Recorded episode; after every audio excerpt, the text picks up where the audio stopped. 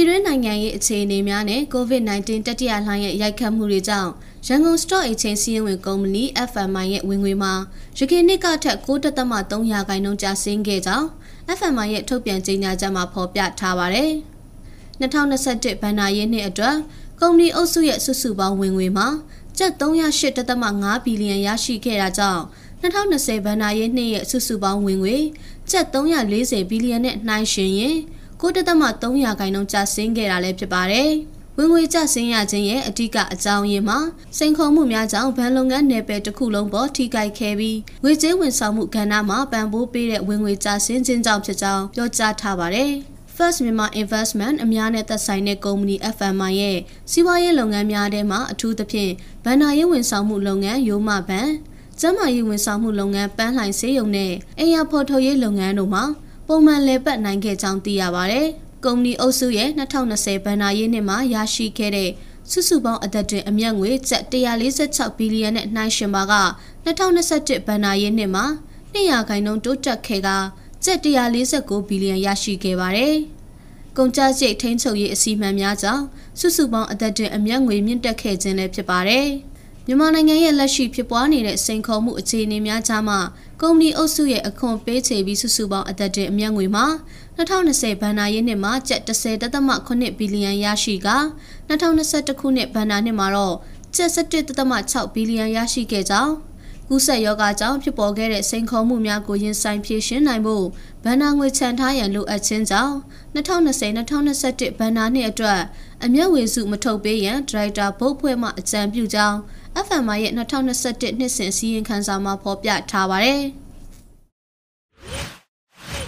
ရန်ကုန်တိုင်းဒေသကြီးရဲ့ရွှေစည်းကွက်အတွင်းတရက်လျင်ရွှေပိတ်တာကျိန်း90ခန့်အယောင်းဝယ်ဖြစ်နေကြောင်းရန်ကုန်တိုင်းဒေသကြီးရွှေလုပ်ငန်းရှင်များအသင်းမှသိရပါဗျ။ အခုချိန်ကရွှေဆိုင်တွေအကုန်နှိပါပြန်ဖွင့်လာပြီးရွှေပြန်ရောင်းသူတွေစီကလည်းရွှေပြန်ရတယ်လို့ရွှေတွင်းတွေကလည်းရွှေထွက်တာကြောင့်ဈေးကွက်ထဲမှာရွှေကုန်ချမ်းအလုံးအလောက်ရှိနေပြီးနေ့စဉ်ရွှေပိတ်တာချိန်90လောက်အယောင်းဝယ်ဖြစ်နေတယ်လို့ဆိုပါတယ်2021ခုနှစ်နိုဝင်ဘာလနောက်ဆုံးအပတ်လောက်ကစတင်ပြီးရွှေစည်းနှုန်းအတက်အကျတည်ငြိမ်လာကြောင်းဈေးကွက်မှာတဖြည်းဖြည်းနဲ့ပုံမှန်အနေအထားသို့ပြန်ရောက်လာကြောင်းသိရပါဗျ။ လက်ရှိအနေအထားအရရွှေဈေးအတက်အကျမှာကမ္ဘာရွှေဈေးနဲ့ဒေါ်လာဈေးပေါ်မှာသာမူတည်နေကြောင်းပွင့်လင်းရာသီရောက်လာပြီဖြစ်တာကြောင့်လက်ရှိမှာအခြားနှစ်များကအတိုင်းရွှေဝင်များပုံမှန်အတိုင်းရှိကြောင်းစင်ဟွာသတင်းဌာနကဖော်ပြထားပါတယ်။ဇန်နဝါရီလ၄ရက်နေ့ညနေပိုင်းမှာကမ္ဘာရွှေဈေးတအောင်စလျင်1806ဒေါ်လာရှိပြီးမြမရွှေဈေးတစ်ကျပ်သားလျင်18သိန်း2500ကျပ်ပေါက်ဈေးရှိကြောင်းသိရပါတယ်။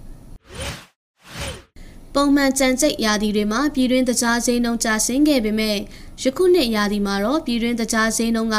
ပြီးခဲ့တဲ့နှစ်နဲ့နှိုင်းယှဉ်ပါကဈေးကောင်းရနေကြောင်းမြန်မာနိုင်ငံကြံတကြားလုပ်ငန်းရှင်များထံမှသိရပါဗျ။နှစ်စဉ်ဒီဇင်ဘာဇန်နဝါရီနဲ့ဖေဖော်ဝါရီလတွေမှာကြံကြိတ်ရာသီဖြစ်တဲ့အတွက်တကြားအသစ်များဝင်ရင်ဈေးနှုန်းကျဆင်းလေးရှိပါတယ်။အခုအခါမှာဗီယက်နမ်နိုင်ငံက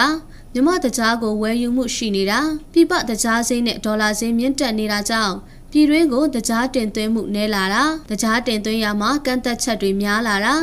စတဲ့ချက်တွေကြောင့်ပြည်တွင်းတကြားဈေးကကျဆင်းမသွားပဲဈေးဆက်မာနေတယ်လို့တကြားလုပ်ငန်းရှင်တွေကပြောပါတယ်ပြပတကြားဈေးမြင့်တက်နေပြီးတင်သွင်းမှုနည်းလာတာကြောင့်လက်ရှိမှာပြည်တွင်းကတကြားကုန်ကျန်းသုံးဆွဲတဲ့လုပ်ငန်းချို့ကပြည်တွင်းတကြားကိုသာဝယ်ယူသုံးဆွဲလာကြတယ်လို့သိရပါတယ်ပြီးခဲ့တဲ့နှစ်မှာပြည်တွင်းတကြားဈေးတပိတ်သားကိုကျပ်900ဝန်းကျင်သာရှိခဲ့ပြီး အခုနှစ်မှာတကြားဈေးတပိတ်တာကို1800ကျပ်ဝန်းကျင်ထိဈေးရရှိနေတာဖြစ်ပါတယ်။တကြားဆက်တွေကလည်းအခုနှစ်မှာဂျန်နတန်ကိုစက်ရုံအယောင်ကျပ်9500ကနေကျပ်6000ကျော်အထိပေးကဝယ်ယူခဲ့ကြပြီးဒီဈေးကတောင်သူတွေတက်ချေကြိုက်တဲ့ဈေးနှုန်းလည်းဖြစ်ပါတယ်။ အရေးသွေးနဲ့ထုတ်လုပ်မှုစရိတ်မြင့်တဲ့အတွက်ပြည်တွင်းတကြားဆက်တွေကလုံလောက်အောင်မထုတ်နိုင်တဲ့လုပ်ငန်းသုံးတကြားတွေကိုပြည်တွင်းကလုပ်ငန်းတွေရဲ့လိုအပ်ချက်အရပြည်ပကနေစီစစ်ပြီးတင်သွင်းခွင့်ပြုထားတာပါမြန်မာနိုင်ငံရှိလုပ်ငန်းသုံးအတွက်တကြားတွေကိုထိုင်းနဲ့အိန္ဒိယနိုင်ငံတို့ထံကနေတင်သွင်းနေပေမဲ့လည်းထိုင်းနယ်စပ်ကနေပြည်တွင်းသို့တရားမဝင်ဝင်ရောက်လာတဲ့တကြားတွေကြောင့်ပြည်တွင်းတကြားထုတ်လုပ်တဲ့လုပ်ငန်းနဲ့ကြံစိုက်တောင်းသူတွေပေါ်ထိခိုက်မှုတွေရှိနေတာလည်းဖြစ်ပါတယ်။လုပ်ငန်းသုံးတကြားတင်သွင်းရမှာ ခွင့်ပြုချက်ရယူတင်သွင်းရမယ်လို့မကြသေးခင်ကသတ်မှတ်လိုက်ပါတယ်။အဲ့လိုသတ်မှတ်လိုက်တာဟာမလိုအပ်ပဲတကြားတင်သွင်းမှုကိုရှော့ချနိုင်ဖို့နဲ့ပြည်တွင်းထွက်တဲ့တကြားကိုဥတီသုံးဆွဲလာအောင်ရည်ရွယ်တာလို့လည်းကုန်တယ်လုပ်ငန်းရှင်တွေကသုံးသပ်ကြပါတယ်။မြမတကြားကိုဗီယက်နမ်နိုင်ငံနဲ့တရုတ်နိုင်ငံတို့တင်ပို့နေပြီးလက်ရှိတရုတ်နိုင်ငံနယ်စပ်ဂိတ်တချို့ပိတ်ထားမှုကြောင့်တရုတ်နိုင်ငံတို့တကြားတင်ပို့မှုမရှိတော့ပဲကြံကိုသာတင်ပို့နေရကြောင်းကြံစိုက်တောင်သူများထံမှသိရပါဗျ။ လက်ရှိမှာမြမတကြားကိုဗီယက်နမ်နိုင်ငံတစ်ခုတည်းကိုသာတင်ပို့နေရကြောင်းပြီးခဲ့တဲ့နှစ်ကတန်ချိန်36000ဖြင့်စံချိန်တင်ဝယ်ယူခဲ့ကြောင်းယခုနှစ်မှာလည်းဗီယက်နမ်နိုင်ငံမှဝယ်ယူရန်ကမ်းလှမ်းမှုများရှိထားပြီးတင်ပို့ရန်ပြင်ဆင်နေကြောင်းသိရပါဗျ။မြန်မာနိုင်ငံရေးလုံခြုံရေးအခြေအနေတွေကြောင့်ပြည်တွင်းခီးသားလုပ်ငန်းတွေအနေနဲ့ယခု2022ခုနှစ်မှာလည်းပြန်လည်ပတ်နိုင်မဲ့အခြေအနေမရှိသေးကြောင်းခီးသားလုပ်ငန်းရှင်များထံမှသိရပါဗျ။ ပြီးခဲ့တဲ့2020နှစ်ဦးကလေးကရပ်တန့်ခဲ့တဲ့ခီးသောလုပ်ငန်းမှာအာဏာသိမ်းပြီးနောက်ပိုင်းပိုပြီးအခြေအနေဆိုးဝါးခဲ့က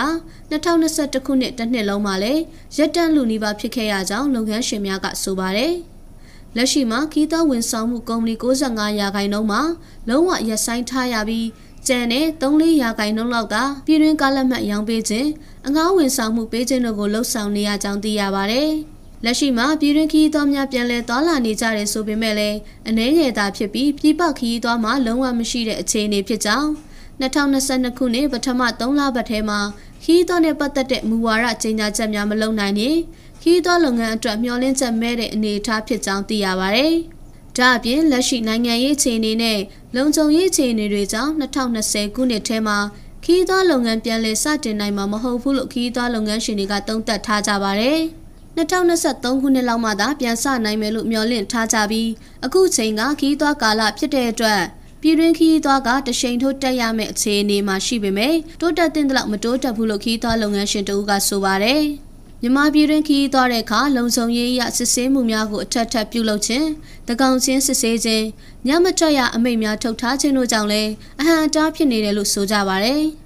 ခီးသွားလုပ်ငန်းတွေအနေနဲ့ COVID-19 စတင်ဖြစ်ပွားတဲ့အချိန်မှာရင်းကက်ယောဂါကြီးပြီးပါကပြန်လည်လက်ပတ်နိုင်မှာဖြစ်ကကြံ့ကြံ့ခံရည်တည်နိုင်ကြပေမဲ့လည်းအာနာသိမ်းပြီးနောက်ပိုင်းမှာတော့ခီးသွားလုပ်ငန်းလုပ်ကင်သူတွေအတွက်မျှော်လင့်ချက်မဲခဲ့ရတယ်လို့ခီးသွားလုပ်ငန်းရှင်တဦးကဆိုပါတယ်။အာနာသိမ်းပြီးနောက်ခီးသွွားလုပ်ငန်းကိုဓာတ်ရိုက်လုပ်ကင်နေတဲ့ခီးသွွားကုမ္ပဏီများ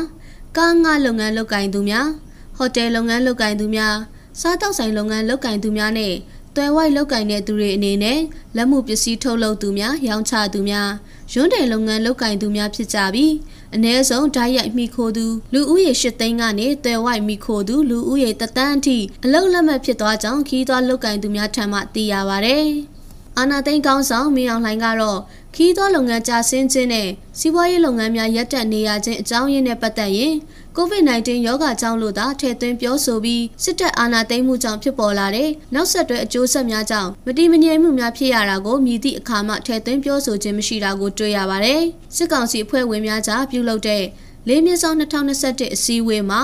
COVID-19 ကြောင့်ကြာဆင်းတဲ့ခီးသွွားလုပ်ငန်းသားမကဆက်ဆက်လုပ်ငန်းများပြန်လည်လည်ပတ်လာနေကြောင်းသို့သော COVID-19 ရောဂါကာကွယ်ကန့်သက်ချက်များကြောင့်ထိမ့်သိမ်းဆောင်ရွက်နေရကြောင်း လုပ်ငန်းများပုံမှန်လည်ပတ်အောင်ဆောင်ရွက်ခြင်းဖြင့်နိုင်ငံစည်းဝါးရေးနလန်ထူအောင်ဆောင်ရွက်ရမည်ဖြစ်ကြောင်းပြောကြားသွားခဲ့ပါတယ်။ကချင်ပြည်နယ်ဗမော်ခရိုင်မုံမောက်မြို့နယ်လွယ်ချေလာရင်မြန်မာတရုတ်နယ်စပ်ဂိတ်ကိုပြန်ဖွင့်ရန်ပြင်ဆင်နေကြောင်းသတင်းရရှိပါရယ်။လက်ရှိမှာမြန်မာနိုင်ငံဗတ်ချမ်းရှိကားဂိတ်ကုန်တင်ကုန်ချအလုသမားစင်တာတို့ကိုပြင်ဆင်ထားပြီးနေထိုင်သူများကိုကိုဗစ်ကာကွယ်ဆေးထိုးပြီးကြောင်းစစ်ဆေးခြင်း ကွာရန်တင်းနေချိန်ချင်းများပြုလုပ်ထားကြောင်းလွယ်ကျဲမြို့မှတာဝန်ရှိသူတို့ကပြောပါရယ်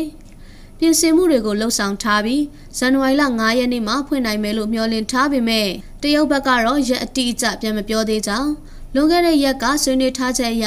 ငပြောနဲ့ကြံကိုအရင်ဆုံးတင်ပို့မှာဖြစ်ပြီးပြောင်းဆန်နှမ်းတို့ကိုတင်ပို့ဖို့ဆွေးနွေးထားကြတယ်လို့သိရပါဗျ။ကချင်ပြည်နယ်လွယ်ကျဲဂိတ်အဝင် တရုတ်နိုင်ငံလာရင်မြို့မှာမြန်မာနိုင်ငံဘက်မှကုန်တင်ကားအစီးရေ400ကျော်လာနဲ့ချီပိတ်မိတဲ့ကိစ္စရပ်မှာလည်းကားများမြန်မာနိုင်ငံအတွင်းတည်ယူရန်ကြံ့ကြာနေသေးကြောင်းသိရပါဗျ။ဗမော်မြို့မှာကားပိုင်ရှင်တဦးကတော့နေဆက်ဂိတ်တွေဖွင့်မှပြန်ရမယ့်သဘောလို့ဆိုပါရယ်ကမိုင်ဒီနယ်ဆက်ကုံသွယ်ရေးဂိတ်မှာလွန်ခဲ့တဲ့ဒီဇင်ဘာလလယ်ပိုင်းကစတင်ပြီးတ िश ူငပြောကားများပို့ဆောင်နေပြီးတရက်လျင်အစီးရေ90ဝန်းကျင်သာကုန်သွယ်နိုင်သေးကြောင်းသိရပါဗျ။ ကမ်ပိုင်တီနယ်ဆက်ကုန်သွယ်ရေးစကန်ဟာမြကြီးနားမြို့နဲ့85မိုင်ကွာဝေးပြီးတရုတ်နိုင်ငံယူနန်ပြည်နယ်ပေါ့ဆန်းခရိုင်ထိန်ချုံမြို့နယ်နဲ့ထိစပ်နေပြီးထိန်ချုံမြို့နယ်52မိုင်ကွာဝေးကြောင်းသိရပါဗျ။ကလွယ်ကျယ်နယ်စပ်ဂိတ်မှာဗမော်မြို့မှ56မိုင်နဲ့၄ဖာလုံးကွာမှာရှိပြီးတရုတ်ပြည်သူ့သမ္မတနိုင်ငံလုံခြုံခရိုင်ကျင်ဖုံးမြို့နယ်လိုင်ရင်ကျေးရွာနဲ့ထိစပ်နေတဲ့နယ်စပ်ကုန်းသွယ်ရေးစခန်းတစ်ခုလည်းဖြစ်ပါတယ်။ တရုတ်နိုင်ငံနဲ့ကချင်ပြည်နယ်တို့တရားဝင်အဓိကဆက်သွယ်တဲ့ဝင်ပေါက်မှာကံပိုက်တီးဝင်ပေါက်နဲ့လွယ်ကျဲဝင်ပေါက်ပန်ဝါဝင်ပေါက်တို့ကိုအဓိကအသုံးပြုနေတာဖြစ်ပြီးလိုက်စာမန်ဝင်းကြီးဝင်ပေါက်များကိုလည်းအသုံးပြုနေကြောင်းသိရပါတယ်။မြမပဲမျိုးစုံတင်ပို့မှုမှာ2020-2021ဘဏ္ဍာနှစ်မှာတန်ချိန်2တန်းကျော်တန်ဖိုးအဖြစ်အမေရိကန်ဒေါ်လာ1.5ခုဘီလီယံထိအမြင့်ဆုံးတင်ပို့နိုင်ခဲ့ကြောင်းသိရပါဗျ။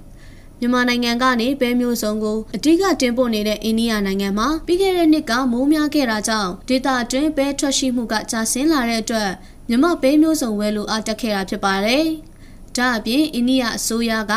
မပဲပါဝင်ပဲစင်းကုံနဲ့ပဲတီစိမ့်တို့ကိုလွတ်လပ်စွာတင်သွင်းခွင့်ဝါဒကိုမတ်လ31ရက်နေ့အထိတက်တန်းထပ်မံတိုးမြင့်လိုက်ကြောင်းတရားဝင်အသိပေးကြေညာထားတာရှိပါတယ်။အခုလိုတက်တန်းတိုးလိုက်တဲ့အတွက် မြန်မာနိုင်ငံကမပဲလက်ကျန်အနေနဲ့အနှဲငယ်ဈေးပိုရရှိလာပါတယ်။မပဲအသစ်အနေနဲ့၃တင်းဝင်တအိတ်ကိုမနစ်က8000ခွဲခန့်ရရှိပြီးအခုနှစ်မှာ33000နီးပါးရရှိနေတဲ့ဆိုပေမဲ့မြမငွေဈေးကျဆင်းနေတဲ့အတွက်ဈေးပုံမရရှိနေတယ်လို့လည်းသတ်မှတ်လို့မရပြန်ပါဘူး။မပဲကတော့2021ခုနှစ်မှာဈေးအမြင့်ဆုံးတဒန်းကို330ကျော်အထိမြင့်တက်ခဲ့ပါတယ်။ ဒါ့အပြင်တင်မောကုန်တင်နာငှားရမ်းကတည်ယူစရိတ်တွေကမြင့်တက်လာခဲ့ခြင်းတို့ကြောင့်ဈေးကစက်တိုက်မြင့်တက်နေခဲ့ခြင်းလည်းဖြစ်ပါတယ်။2021ခုနှစ်အတွင်း2လ3လနီးပါးအမြင့်ဈေးရှိခဲ့တဲ့အမတ်ပဲဈေးကနှစ်ကုန်ပိုင်းမှာတော့ငွေကြေးထိန်းချုပ်မှုအသစ်တွေဈေးကွက်ဝင်ရောက်လာမှုတို့ကြောင့်ဈေးတွေပြန်လည်ကျဆင်းခဲ့ပါတယ်။ပြီးခဲ့တဲ့2020ဒီဇင်ဘာလမှာမတ်ပဲကရန်ကုန်ပေါက်ဈေးတဒံကို9,4500ကနေ10,5000ကျော်ပေါက်ဈေးရှိခဲ့ပြီး2021ဒီဇင်ဘာလမှာတော့ မပဲကတဒံကို12,9000ကနေ14,2000ကျော်ထိပေါက်ဈေးရှိခဲ့ပါတယ်။မန်လေးဈေးကွက်မှာတော့2020ခုနှစ်ကတအိတ်ကို9500ကနေတသိန်းကျပေါက်ဈေးရှိခဲ့ပြီးယခုနှစ်မှာတော့တအိတ်ကိုတသိန်း1000ထိပေါက်ဈေးရှိနေခဲ့တာပါလက်ရှိမပဲဈေးကတော့အိန္ဒိယလိုအပ်ချက်လည်းရှိနေပြီးငွေကြေးလဲလှယ်နှုန်းဈေးကအတက်ဈေးနဲ့ပဲရပ်တန့်နေတဲ့အတွက်မပဲဈေးကအများကြီးကျဆင်းသွားနိုင်တာမျိုးမရှိဘူးလို့ကုန်သည်တွေကသုံးသပ်ပေမဲ့ တောင်သူတွေအများစုကတော့သွင်းအားစုဈေးကြီးမြင့်တဲ့အတွက်ရရှိတဲ့ဈေးနဲ့ပြန်လည်စိုက်ပျိုးဖို့အတွက်ခက်ခဲလို့စိုက်ကရှော့ချစိုက်ပျိုးတာတွေသွေးအားစုရှော့ထည့်တာတွေရှိနေတယ်လို့သိရပါဗျ။တရုတ်နိုင်ငံနဲ့မြန်မာနိုင်ငံနှစ်နိုင်ငံကုန်သွယ်မှုပြုလုပ်နေတဲ့ကျင်းစန်းကြော့ဂိတ်မှာလက်ရှိအချိန်ကကုန်ကားမလုံလောက်မှုနဲ့ကုန်ကားဈေးနှုန်းမြင့်မားမှုတွေကြောင့်အခက်အခဲများကြုံတွေ့နေရကြောင်းကုန်သည်များထံမှသိရပါဗျ။တရုတ်နယ်စပ်ကုန်သွယ်ရေးမှာရခိုင်က တွဲကားတစ်စီးကိုမြန်မာကျပ်ငွေ15သိန်းသာရှိပေမဲ့လက်ရှိမှာသိန်း100ဝန်းကျင်ကုန်ကျနေကြောင်း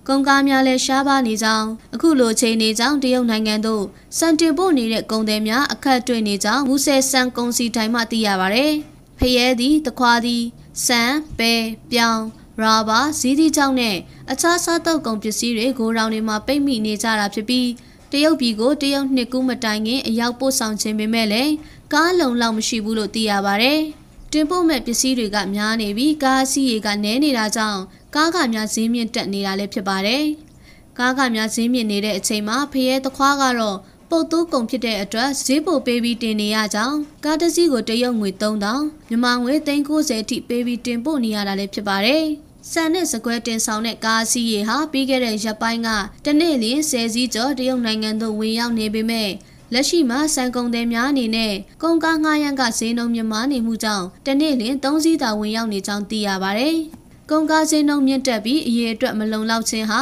တရုတ်နိုင်ငံအတွင်းသို့ကုန်တင်ပို့ပြီးမြန်မာနိုင်ငံသို့ပြန်လည်ထွက်ခွာရမှာစစ်ဆေးနေတဲ့အချိန်ကြာမြင့်နေခြင်းကြောင့်ဖြစ်တယ်လို့ကုန်သည်တွေကဆိုပါတယ်။ 2021ခုနှစ်ဇူလိုင်လမှာတရုတ်နိုင်ငံက COVID-19 အကြောင်းပြချက်နဲ့နေဆက်ကုန်သွယ်ရေးဂိတ်တွေကိုယာယီပိတ်လိုက်တဲ့အတွက်မြန်မာနိုင်ငံမှာကုန်တင်ကားအစီးရေ200ကျော်ဟာတရုတ်နိုင်ငံဝန်တင်ဂိတ်မှာပိတ်မိနေရာနိုဝင်ဘာလမှာပြန်လည်ထွက်ခွာခွင့်ပေးခြင်းကြောင့်အစီးရေ20သာကျန်တော့ကြောင်းသိရပါတယ်။လက်ရှိမှာကုန်ကားမလုံလောက်မှုကြောင့်မူဆယ်နယ်စပ်ဂိုတောင်တွေမှာတရုတ်နိုင်ငံသို့တင်ပို့မဲ့ကုန်ပစ္စည်းအများအပြားပိတ်မိနေကြောင်းကုန်သည်များထံမှသိရပါဗျ။လက်တလောကုန်သည်မှုအရတရုတ်ကားနဲ့ပြောင်းပြီး တရုတ်နိုင်ငံအတွင်းဝင်သွားတဲ့ဖရဲကားအချို့မှာကျန်းမာရေးဆိုင်ရာကုန်သွယ်မှုလုပ်ငန်းစဉ်အတိုင်းခက်ခဲကြန့်ကြာစွာတင်ပို့ရခြင်းသာမကတရုတ်အကောက်ခွန်စနစ်အပြောင်းလဲကြောင့်ပုံမူကြန့်ကြာပြီးတရုတ်နိုင်ငံရဲ့စမ်းသက်ကာလမှာအခက်အခဲနဲ့ဆုံးရှုံးမှုများကြုံတွေ့နေရခြင်းလည်းဖြစ်ပါတယ်။